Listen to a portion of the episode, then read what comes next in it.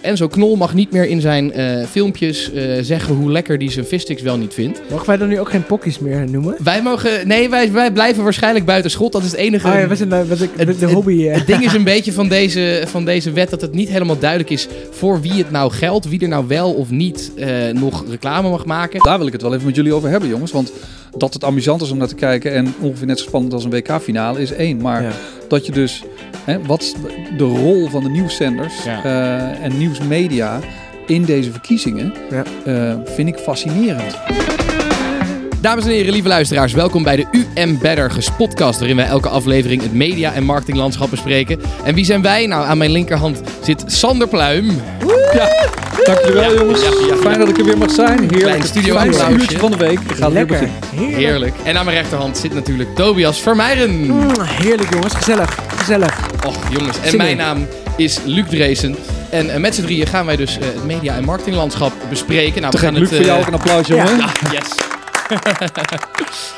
nou, deze week gaan we het natuurlijk uiteraard hebben over de verkiezingen. Uiteraard. Eh, ja, we Ja. hebben natuurlijk vorige week eh, Welke een mega spannende week gehad. Wat een feest was dat. Het leek Ja. wel het WK voetbal net Heerlijk. Nou, ik vond het eerder gezegd spannender dan het WK voetbal. ja, serieus. Te doen. Hoe dat vers- ja, daar zullen we het zo nog over hebben, maar hoe ze dat verslaan, eh, nou, vind ik Fantastisch. echt waanzinnig. Alsof je de Super Bowl finale aan het kijken bent. Ja, ik vond het heerlijk. Maar goed, we gaan het daar straks helemaal uitgebreid over hebben. Gelukkig. Laten we beg- beginnen met eh, de gespotjes. Wat hebben wij eh, Ja, maar deze... wacht even. Ik wil jullie nog, trouwens, Happy Singles Day eh, wensen, eh, jongens. Het is Singles het is vandaag- het is ja hoor. Ja, ik weet niet of ik mij dat ook mij- kan wensen, maar... Ja, bij deze wens ik ben ik de enige in dit gezelschap die, eh, die Happy, Singles Happy Singles Day, ja. maar, Luc. eh, Ja, voor de luisteraars die Het eh, in ieder geval de economie jouw singles eh, status. Zeker 56 miljard, hè? In, In- binnen 24 uur. Een etmaal. ja, Christenen zielen wat. Ja, nou, geld, hè? wat iedereen maar wel aan zichzelf uit wil geven. Ja. Goed jongens, laten we beginnen met, eh, met de spotjes. En ik dacht, la- ik dacht, laat ik eens een keer beginnen. De afgelopen leuk. keer zijn jullie Eindelijk. Begin eens Nou, een keer bij Ja, jezelf. nee, dus ik dacht, eh, laat, ik heb eerst weer even iets heel kleins wat, ik gewoon, wat me gewoon is opgevallen, wat ik gewoon even wil delen. Ja. Ik zag een, een briljante reclame van Burger King. We hebben het al vaker over Burger King gehad. Die zijn over het algemeen goed in, eh, in hun, hun bold marketing. Ja. En die hadden, eh, volgens mij is het een week geleden, hadden zij een, een, een campagne waarbij ze mensen vroegen om naar de McDonald's te gaan. Nou, toen moest ik toch wel gewoon even lachen. Het was een campagne dat ze dus zeggen, hé hey jongens, eh, we hebben het heel slecht in de, de voedselindustrie. Dus ga naar de McDonald's en naar on- al onze andere Ja, concurrenten. niet alleen McDonald's, hè? Ja, ze noemden alle, hij noemde, of Alle eh, Burger King noemde alles eigenlijk. Al En- hun concurrenten. Precies, dus ik, ik vond het gewoon... En het deed me ook denken aan een, een post van, eh, van Adidas tijdens de, de eerste... Of nee, niet tijdens de corona, dat had daar niks mee te maken. Dat had te maken met, eh, met George Floyd destijds. Toen had eh, Nike had een, had een, een, een post gedaan met een filmpje Don't Do It. In plaats van hun bekende slogan Ja. Just Do It. En toen had Adidas die gerepost. En ik vind Ja. het gewoon altijd mooi als van die rivalerende merken...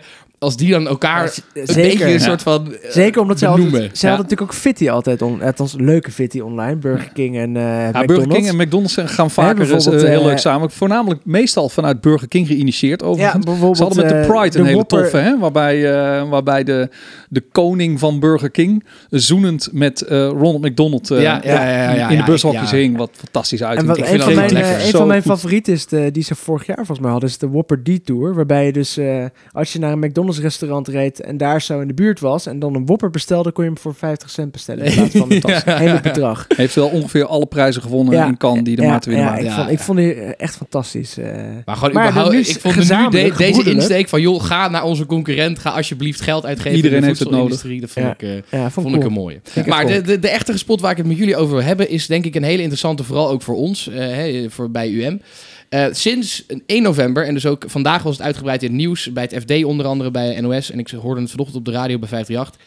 Ehm, het is tegenwoordig verboden voor influencers om eh, ja, aan sluikreclame te doen. Ja. Dus Enzo Knol mag niet meer in zijn eh, filmpjes eh, zeggen hoe lekker hij zijn vissticks wel niet vindt. Mogen wij dan nu ook geen pokkies meer noemen? Wij mogen... Nee, wij, wij blijven waarschijnlijk buiten schot. Dat is het enige... Oh ja, we zijn de, de, de, Het- de hobby. eh. Het ding is een beetje van deze, van deze wet dat het niet helemaal duidelijk is voor wie het nou geldt. Wie er nou wel of niet nog reclame mag maken. En wat nou precies wel en niet mag. De, regels zoals ik ze begrepen heb zijn nu dat je niet overdreven reclame mag maken. Dus je mag niet... eh, hè, bijvoorbeeld Enzo Knol mag dus, dat, mag dus niet meer drie keer in zijn video zeggen hoe lekker die zijn, zijn iglo vissticks wel niet vindt. Hij mag wel vissticks eten, maar dan moet hij aan het begin of aan het einde van de video echt vermelden dat de video eh, gesponsord wordt door dat merk. Ja. Ehm, En ze moeten ook, hè, net als dat eh, media dat normaal gesproken al moeten, eh, ze moeten eh, in hun redactie een scheiding van, Ja. van reclame en, Ja. eh, en redactie, zeg maar. Ja, hebben. nou, ze zoeken eigenlijk naar, naar een, eh, een doorvertaling van de mediawet die voor Ja, televisie geldt naar YouTube. toch? Eigenlijk, Ja, precies, videocontent. ehm, waarbij je heel grof eh, weg zou kunnen stellen dat je op televisie eh, eh, doorgaans een merk een keer mag noemen en een keer mag laten zien. ja. En ze zoeken voorzichtig naar een doorvertaling naar, naar de YouTube videocontent. Eh, alleen daar zijn ze niet heel strak in. Nee. Dus, dus eh, ehm, dat er een mediawet wordt geformuleerd die ook geldt voor YouTube is, is denk ik heel goed. En, en regelgeving is echt heel hard nodig. Maar de kritiek nu op deze, eh, regel, eh, eh, op deze regeling, Ja. deze regels, Deze wet. die eigenlijk per 1 november ingaat, is dat het totaal niet duidelijk is. Ja. Ehm, Ja, het is eigenlijk net zo duidelijk als de routekaart nu met corona, weet je. Het is, ja, er verandert onderweg. ja, het verandert onderweg, Dus weet je. Dus, we- de enige verandering die we zich- nodig, nu nodig hebben is aanpassing van de routekaart, begreep ik. ja, ja, precies. Ja, dat vond ik een hele goede trouwens. Voor de mensen die het niet gezien hebben. ja, ja, ja. Ehm, Ja. Maar het punt is wel, Luc, dat tegen de tijd dat jij een grote influencer bent, dat er Ja, dan kan niks ik, meer te ik verdienen meer geld verdienen. Dat is, eh, maar wat, hoe maar ik, gaan vind we... het, ik ben wel benieuwd, Sander, want jij bent natuurlijk eh, de, de head of UM Studios. En we doen natuurlijk bij ons, bij UM, heel vaak eh, samenwerken met, in- met influencers. En Ja. het werkt altijd heel goed om nou, toch op een soort verkapte manier reclame te maken voor een merk. Nou, Ja. dit wordt natuurlijk op zo'n manier, nou, niet direct, maar in ieder geval op termijn denk ik wel aan banden gelegd. Z- zien we dit als een impact? Of is het misschien ook gewoon juist goed dat je zegt, joh, dit Nou. is eh, content gesponsord door een merk, maar wel hele leuke content. Nou ja, ik denk dat het heel goed is, want eh, de ENS, met name voor eh, de jongere doelgroepen, blijkt uit onderzoek dat die maar heel moeilijk het verschil kunnen zien tussen wat, wat betaalde content is en wat, wat gratis content is. Ja. Dus ik denk dat het goed is om ze wel te beschermen, want we- dat is toch de taak van de wetgever om mensen te beschermen. Eh, dus aan banden leggen, ja, een beetje. Het biedt ook weer uitdaging voor creatie om te zorgen dat je daar op een slimme en, en, eh, en goede manier mee omgaat. Ja. En dat een goede invulling geeft. Waarbij nog steeds, denk ik, geldt dat, dat met name authenticiteit van de content ook het, het meest eh, bijdraagt aan de geloofwaardigheid. En dus, ja, hoe vaak wil jij, weet je, het feit dat je dadelijk geen drie keer een, een merk mag laten zien in, in je content. Ja, sorry hoor. Ja. Hebben, mensen, hebben mensen het na één keer Ja. nog niet begrepen? Ehm, Ja, Ja, dus, ja, en misschien krijg je wel gewoon, net zoals wat je op tv, tv hebt, hè. Dit programma wordt mede mogelijk gemaakt door. ja, daar is niks je, mis dus, mee, denk ik. eh, Ja, eigenlijk zoals, zoals bijvoorbeeld de Roadtrippers door Mentos gesponsord wordt. Dat Ja. vind ik altijd een hele een mooi voorbeeld ik van hoe voorbeeld. je natuurlijk dat kan doen. ja. En ik, wat je, ik ben het met jou eens. Ik vraag me af hoe erg het, het eigenlijk is als je dus inderdaad niet meer... Je mag wel, dit- dat voorbeeld van de vissticks werd overal genoemd. Ik heb die in mijn hoofd zitten. Maar Ja. dus stel je mag overal nog mars, marsen eten.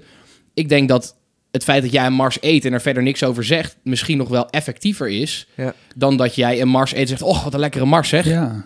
Dus, ik- ja, ik, dus ik weet niet in hoeverre het voor de influencers echt een probleem zal zijn. Nee, nee. En zie je, jij, jij bent natuurlijk een maker, zie je als maker ook eh, daar er- ergens uitdagingen in, hoe je dat zeg maar aan de voorkant interessant kan maken van joh, we gaan het vandaag content maken die gesponsord is door? Of, Ja, nou, ik denk het dus niet, want ik kijk best wel veel naar de, de Amerikaanse YouTube-markt. ja, En daar is het heel gebruikelijk, eh, in ieder geval, nou, ik moet zeggen, niet de, de hele Amerikaanse YouTube-markt, maar ik kijk vooral veel video's van inderdaad eh, videografen, mensen die video's maken en eh, cameramensen en dat soort dingen vind ik leuk om naar te kijken.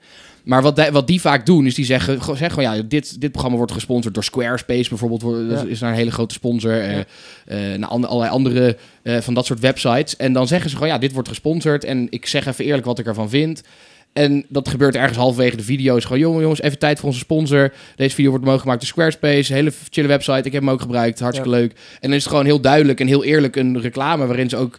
En wat je daardoor ziet, is dat er wel hele relevante eh, eh, reclames gemaakt worden. Want zij maken alleen reclame voor iets waar ze daadwerkelijk zelf ook gebruik van maken. Of Ja. dat ze ook daadwerkelijk kunnen Dus meer aanraden. doordacht. Ja, precies. Kijk, het is, het is ook niet zo dat. eh, het is ook niet zo dat de influencer en de vloggers en de YouTubers dadelijk geen geld meer kunnen verdienen. Waar het volgens mij over gaat, is dat je af gaat spreken met elkaar waar de grenzen van die, van die commerciële uitingen Ja, zich ja. bevinden. En nu hebben wij als, als creatief bureau binnen het mediabureau de rol en de taak eh, om te zorgen dat zeg maar, de, de branded content vormen die je kiest, om die zo eh, effectief mogelijk eh, uiteindelijk Ja. in de content te verwerken. Ja. Op zo creatief mogelijke manier.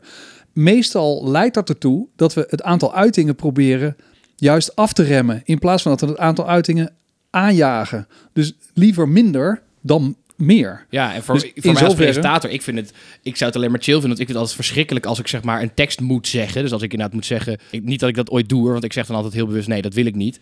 Maar ik, ik vind- zou het heel raar vinden om te moeten zeggen, oh, ik vind het zo'n lekker drankje wat ik nu aan het drinken ben. Of, Ja. dat, of andersom. Ja. Maar, dus Ja, ik, ik zou het juist prima, wel- ik zou het prima vinden dat als een, een, bedrijf, een merk tegen mij zegt, joh, eh, we willen graag dat je dit, eh, dit drankje drinkt tijdens, je, je, tijdens een programma. En van tevoren moet je dan zeggen dat, het, dat wij je sponsoren. Prima. Ja, en ik denk dat het misschien waar, waar vanuit een marketing-communicatie oogpunt wel goed is, is dat je gewoon wat bewuster ook gaat nadenken over wat voor rol je je merk geeft in de Precies. content. Ja. Hè, dit, dit dwingt je wel om gewoon niet te zeggen, joh, ik gooi gewoon een mars naar een influencer en kijken wat er gebeurt. Ja. Ehm, Ja, maar dit dwingt je gewoon om na te denken van hoe ga je dat dan inkleden? Hoe, wat voor branded content wordt het? eh, Weet je? En dat, dat vind ik op zich misschien wel eh, positief. En Ja. misschien is dat wel... en Ja, ik denk en dat regulering wel goed is. Want je ziet toch dat er de laatste jaren behoorlijke wildgroei is. Ja. Het vliegt alle kanten op. Ja. En het is ook moeilijk om, om influencers ehm, eh, eh, hun vrijheid of hun verantwoordelijkheid te laten nemen. Dus bijvoorbeeld de ad spam.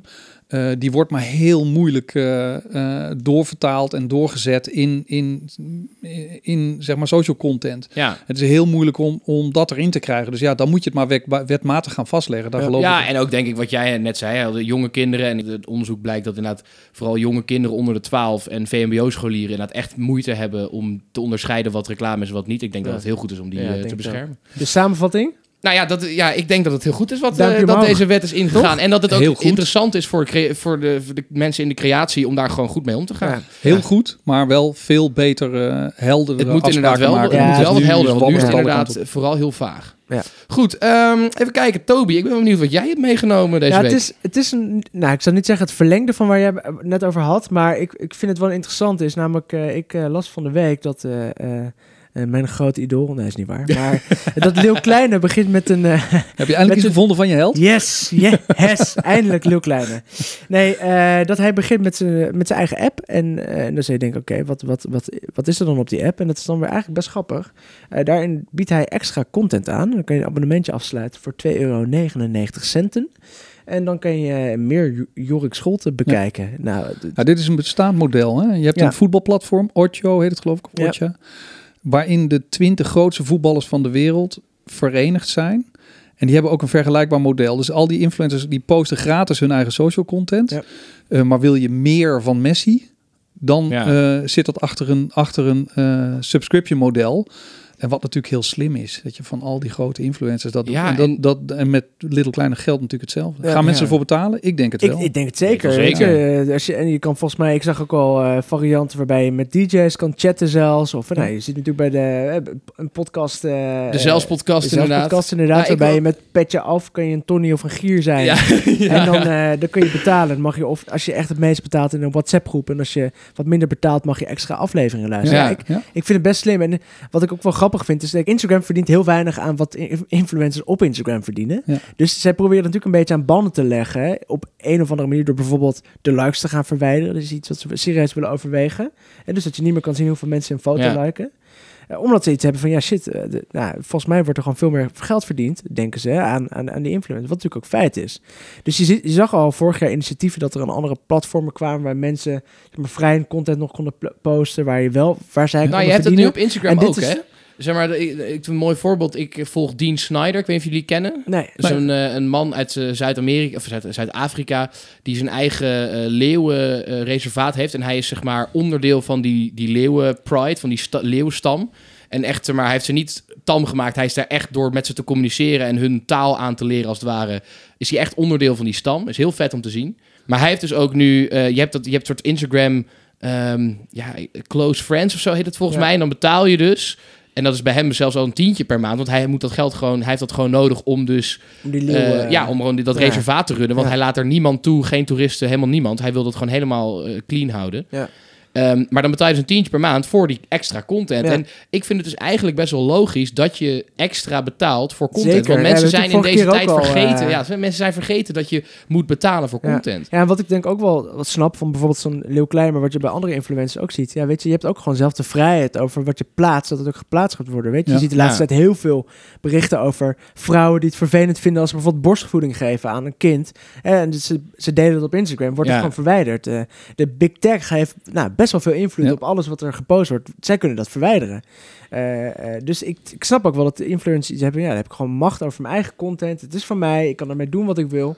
En, en dat En alles manier is ook extra aan eh, kunnen verdienen. Kijk, zo'n Leeuw Kleine, die verdienen natuurlijk 20k per show. eh, eh, Ja, nu niet meer. nu niet meer. Nee, ja, die- zijn inkomsten lopen Ja. droog. Dus ik snap wel dat het best een slimme en creatieve manier is om... Ja, het Om soort extra OnlyFans, hè. Dat is ook weer zo'n platform, een soort alternatief voor Dus ik, Instagram. ik, eh, je- ik, ik- ja, ik, ik voorspel dat, eh, dat dit echt groot gaat worden en dat Instagram hier echt last van gaat krijgen. Ja, en ik vind het terecht. Ik vind het terecht dat mensen weer leren dat ze moeten betalen voor leuke content Ja, en, en als maker zijn, dan wil je toch ook de vrijheid hebben wat, wat je maakt Precies, kan delen en dat jij eh, daarmee kan doen wat je wil in principe, toch? Ja. Zeker. Alleen, eh, ja, ik ben Exclusief, benieuwd, eh, eh, exclusieve content achter een deurtje. ja, ja. dus Luc, wanneer beginnen wij? Ja, Ja, ja, wij wanneer voor jou gaat gaan betalen? De U en Bergers podcast achter de, achter de betaalmuur. Achter een deurtje. Dan gaan we een uur lang praten over niet media, maar over onderbroeken. ja. Hey Sander, wat heb jij meegenomen vandaag? Nou, ik heb vooral ontzettend hard gelachen eh, tijdens de verkiezingen in de Verenigde Staten. Ehm, daar gaan we het dadelijk over hebben. Ja, zeker. Los van dat ik heb genoten van eh, de hele verslaggeving rondom de verkiezingen, eh, was er eh, nadat eh, Joe Biden tot winnaar van de verkiezingen was uitgeroepen, een grootse persconferentie om eh, alle fraude aan de kaak te stellen. Ja. En die gro- grote persconferentie die zou plaats gaan hebben bij The Four Seasons, de bekende hotelketen. Ja, Althans, zeker. Ch- Chic hotel. dat dachten alle journalisten die zich daar zouden gaan verzamelen. Het chique hotel, de Four Seasons in Philadelphia. Eh, na enkele uren werd het bijgesteld en bleek eh, die persconferentie in Four Seasons Total Landscaping plaats te gaan hebben. Ja, het is zo. Het is zo Een soort intratuin. ja, Ik, ik het is zo briljant. niet Ja, eigenlijk. Gevestigd tussen een crematorium en een pornoshop. Ja. echt. Het Het is klinkt, zo... klinkt bijna het begin van de slechte mop, hè? Maar dit, ze zeggen dat dit dus gewoon een foutje is geweest van iemand die dus inderdaad wilde boeken bij het Four Seasons en per ongeluk Ja. de verkeerde Four Seasons. Er gaan ook verhalen dat ze het bewust hebben gedaan, omdat dat de enige plek was dat, eh, waar nog eh, eh, opstandige Trump-aanhangers bij elkaar verzameld waren. Ja, ja, ja, ja, ja. Het is ook wel goede PR, toch? Iedereen heeft het erover. In ieder geval was het goede PR voor Four Seasons Landscaping. Want eh, zij hebben ehm, deze hele actie ehm, uitgebuit, of althans groter gemaakt, doordat ze nu een Gewoon platform slim benut. of slim benut Ja. voor hun merk, eh, door heel, daar nogal creatief mee om te gaan. Zij verkopen nu merchandising, t-shirts, met daarop de titel ehm, In Salt We Trust. Eh, lawn and order. Kortom, ze verkopen merchandising. Allerlei leuke slogans Allerlei met, leuke met slogans tuinen op t-shirtjes. En het wordt, ver- tuinieren. het wordt verkocht als een dolle. En, Nou, ik- en de naamsbekendheid van Four Seasons Total Landscaping eh, gaat door het dak. Ja, je appte dit eh, van de week. of, Dit is een beetje wat jij vorig jaar, eh, vorig jaar, vorige week had met die, eh hoe heet dat drankje ook alweer? Eh, met, ik wil zeggen Mountain Dew, maar Nou, met eh, Ocean- Ocean, Spray. Ocean Spray. Dat is een beetje hetzelfde soort verhaal eigenlijk. Ja. Hè? Ja, het is maar een fantastische helemaal manier hoe je... Heb je dat gezien? Ik, ik heb vanochtend gekeken. Ik bedoel, bijna alles is uitverkocht daar. Het is uitverkocht. Het is natuurlijk een fantastische een manier kleine zoals je, maar- zoals je de, van de nood een deugd maakt als Ja, ja. merk. En dat je op een ontzettend creatieve manier zeg maar, de, de negatieve publiciteit weet Ja. te kantelen naar iets enorm maar dat vond ik ook toen heel goed slim met de. Proud Boys. Dat vond ik ook heel erg lachen. Weet je oh ja, dat, toen, dat toen Twitter Proud Boys. gekaapt Ja. werd door alle Proud Boys. eh, ja, met eh, pr- Ja. Pride vlaggen. Ja, mooi. Met Pride vlag. Maar eh, ja, Ja. slimme, slim creatieve inhaak op iets wat je overkomt, toch? Denk ik. Ja. Voilà. En ontzettend slim omzetten naar je eigen, naar je eigen merk. En hopelijk verdienen ze Ja, ook wel en, een beetje en vooral een heel mooi bruggetje, Sander, naar ja, waar we het toch even over moeten hebben. Ik zou zeggen, Luc, start heren, in, hè? start hem in. Het volkslied. Het volkslied van de. US of A. Na, na, na. Ja, heerlijk. Ja, jongens, we gaan Heerlijk, het natuurlijk even hebben over de verkiezingen. Eh, Nog heel kort dan, hè? Want heel dan kort. houden we erover ja, op. we gaan het ook niet te lang maken. Maar afgelopen week was natuurlijk eh, eh, de verkiezingen in de Verenigde Staten. Zo, jongens. Ongelooflijk spannend. Ik denk dat, dat half Nederland eh, de hele Nou, week ik- achter CNN gehangen was het ik- nou ik- ook ik dat heb- we gewoon zo weinig sportevenementen hebben gehad deze zomer door corona? Nou Dat we Nou, dit zo lekker ik vonden? kan, ik kan geen key alert meer horen. Ik sta, Key zodra ik dan zit ik... Het is, het is het man. Nou, ik moet zeggen, Key dat- race alert. ik vond het, ik, los van of er veel of weinig sportevenementen, ik vind het gewoon fascinerend hoe goed, ik, hoe ze, goed ze dit kunnen verslaan. Ik denk dat NOS eh likkebaardend eh, zat te kijken en voor te bereiden hoe zij in de maart... Zouden we dit nu krijgen in maart? Zijn wij in de? NOS Zouden opeens Herman ook met een alert krijgen? Ja, Dat zou mooi zijn. Maar ja, laten we wel hopen dat er in Nederland net zoveel aandacht en net zo'n grote opkomst ik, ik, komt ik, voor ik heb de even verkiezingen gekeken. dan... eh, eh, Nielsen deelde toevallig vanochtend eh, de kijkcijfers van eh, de afgelopen dagen van de verkiezingen. En op de hoogtepunt in Amerika alleen al keken er zes, eh, 56, nee, zeg, het, 57 miljoen mensen naar de verkiezingen. Maar dat in snap ik nog. Nederland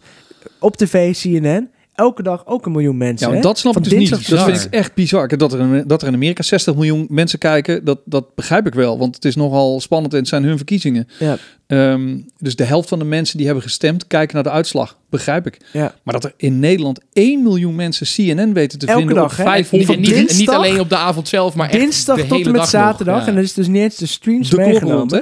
Ja, echt bizar. En alleen CNN. En hadden jullie nou ook dat elke keer wanneer je die tv aanzette op CNN, dat altijd die tweezelfde mannen daar ja, stonden man, voor dat scherm? echt geweldig. Ja, dat Fantastisch, twee duo's. Je Ja, had de. John King en, eh, en hoe heet hij ook alweer? De, Oscar. Nee, die met dat, met dat witte haar. Ja, en, en- en je, had, je had die jonge gast en die gast die... eh, Anderson Cooper.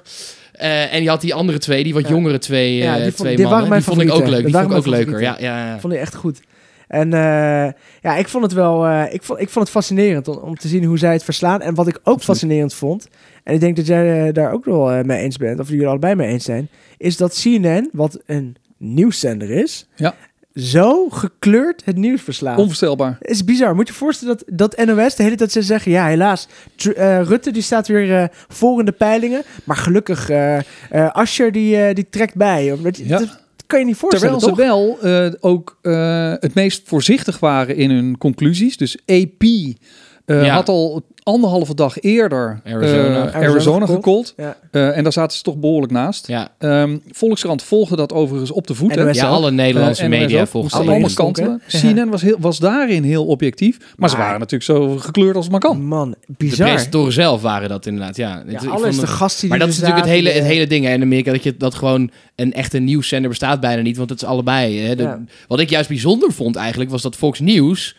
Eigenlijk voor het eerst, je zag daar voor het eerst eigenlijk de mooie scheiding tussen Fox News, de, de nieuwszender, en Fox News, de redactie van de normale programma's. Want de normale programma's waren nog steeds wel redelijk pro-Trump. Maar zelfs de Fox News site, dus echt de nieuwsafdeling, die waren, die waren af en toe gewoon dat ze ook zeiden, joh, Trump heeft gewoon dit niet gewonnen. En die waren ook tegen zijn uitspraken Ja. over fraude. En, Ja, dus en ik vond het juist nog, wel, wel verrassend. Fox News was één van de zenders naast ABC, NBC ehm, en CBS, dacht ik. Die, En eh, MSNBC die, ook nog, de, die de speech van Donald Trump eh, afkapte Ja. en wegdraaide. Ja. Ik bedoel, daar wil ik het wel even met jullie over hebben, jongens. Want dat het amusant is om naar te kijken en ongeveer net zo spannend als een WK-finale is één. Maar Ja.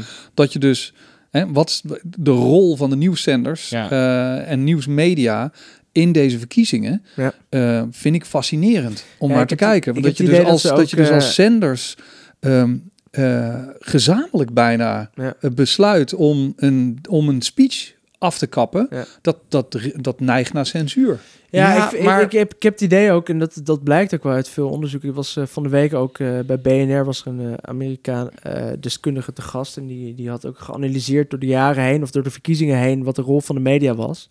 En het interessante daarin is wel dat dat echt wel een feit is dat eigenlijk zowel dus de big tech media, dus maar de Facebook, Twitter, dat soort partijen, Ja. maar ook de, de televisiemedia, zeg maar, dat die veel meer eigenlijk macht hebben en veel meer eh, eh, ingrijpen op wat er gebeurt vanuit, vanuit de verkiezingen, zeg maar. Dus het wegdraaien nu van Trump, maar ook het verwijderen van tweets, eh, is best wel veel groter en aanzienlijker aanwezig. Ja, maar laten we even niet vergeten Ja. dat de media hebben natuurlijk gewoon een... De kern van de media is hun democratische rol, de, hun rol in de democratie, namelijk dat zij de macht moeten controleren. Dus nee, het is geen censuur. Censuur zou zijn als de zittende president zou zeggen: jij moet nu de presidentskandidaat eh, wegdraaien. Dit is juist de, de- de, de media ten voeten uit, gewoon de journalistiek ten voeten uit. Ja, maar namelijk dat zij Ja, controleren wat de Nou, macht zegt. En dat zij dus ik- begrijp wat je bedoelt en dan joh, denk ik- dit, dit klopt gewoon niet. Ik begrijp wat je bedoelt en ik ben, het, ik, ben- ik, ik ben het met je eens ten aanzien van de definitie censuur. Wat ik lastiger vind is, de journalistiek heeft in, in, in mijn definitie een rol om, eh, om een weergave te doen, zo dicht mogelijk bij de waarheid, Ja. van eh, zaken die gebeuren in, in, in, in het leven.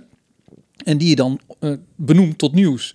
Ehm, en om vervolgens die momenten te duiden. Ja. Eh, want eh, hè, het, het volk is niet in staat om dat allemaal eh, eh, zelf te duiden. Want daar hebben we, dat, dat, hè, dat kunnen we niet.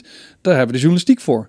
Ja, maar Alleen wat er nu gebeurt, is dat, ze dus, is dat ze dus bepaalde informatie wegdraaien. Ja, en, maar dit en- is Ja, dat maar hun kerntaak is het controleren van de macht. En daar vind ik dus ook bij horen dat als de macht dingen zegt die gewoonweg niet waar zijn... en sterker nog, die echt gevaarlijk zijn voor de democratische rechtsstaat... want dat is wat Trump eigenlijk zei, die zei gewoon dingen die gewoon eigenlijk de, de democratie in gevaar brengen. Ja. Dan vind ik het echt onderdeel van jouw taak als waakhond Ja. van, de, van, de, van, de, van de, de machthebber Ja, maar ik vond om het, die weg te draaien. ik vond het, dat echt maar ik vond wel, want CNN deed het volgens mij niet, het wegdraaien. Maar wat ik Nee, interessanter vond, bij CNN gingen ze achteraf uitleggen, eh, en ook tussendoor benoemden ze het even, van waarom het verkeerd was. En ik denk dat dat misschien beter is dan...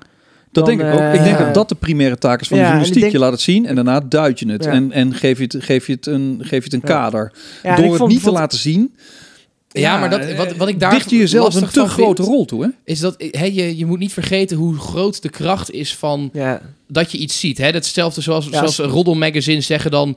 eh, Wesley je gaat vreemd, vraagteken. En het enige wat mensen onthouden is Wesley Sneijder is vreemd gegaan. Ja. En dat is natuurlijk hetzelfde met zo'n speech. Als mensen het gehoord hebben, die duiding achteraf... als ze dat gewoon lekker... neg- Dat Ja. negeren mensen. En Nee, oké, maar jij... dat nou, willen ze niet horen. Nee, dat begrijp ik wel. Maar daarmee, daarmee eh, neemt de journalistiek dus een taak op zich... Die, die ik, waarvan ik me afvraag of dat niet een stap te ver gaat. Want waar ligt dan de grens? Wanneer, wanneer laat je dan wel iets horen van Trump en wanneer niet? Want ik weet überhaupt niet wat de waarheid is en wat niet. Dus Nou, Maar dat het, is- het is niet zo dat ze, dat ze helemaal niks hebben laten zien. Hè. Ze hebben Nee, gewoon, dat hij was al een tijdje bezig en op een gegeven moment hebben ze gezegd... jongens, we stoppen nu deze uitzending, want hij zegt zoveel dingen die absoluut niet waar zijn... en die echt tegen onze Ja. democratie ingaan. Ja. Hier zijn we het echt niet mee eens, dit willen we jullie niet laten zien. Dus dat vind ik echt wat anders dan dat ze het überhaupt niet uitzenden. Klopt. En het is ook, ja ik, ik, ja, ik vind toch, wat jij zei, hè, ik vond het op CNN sowieso namelijk. Iedereen op CNN die aan het woord kwam, had het gevoel dat ze moesten gaan vertellen hoe goed het allemaal wel niet ging. De, het kijken, het checken van de stem, die waren de hele tijd aan het verantwoorden dat ze niet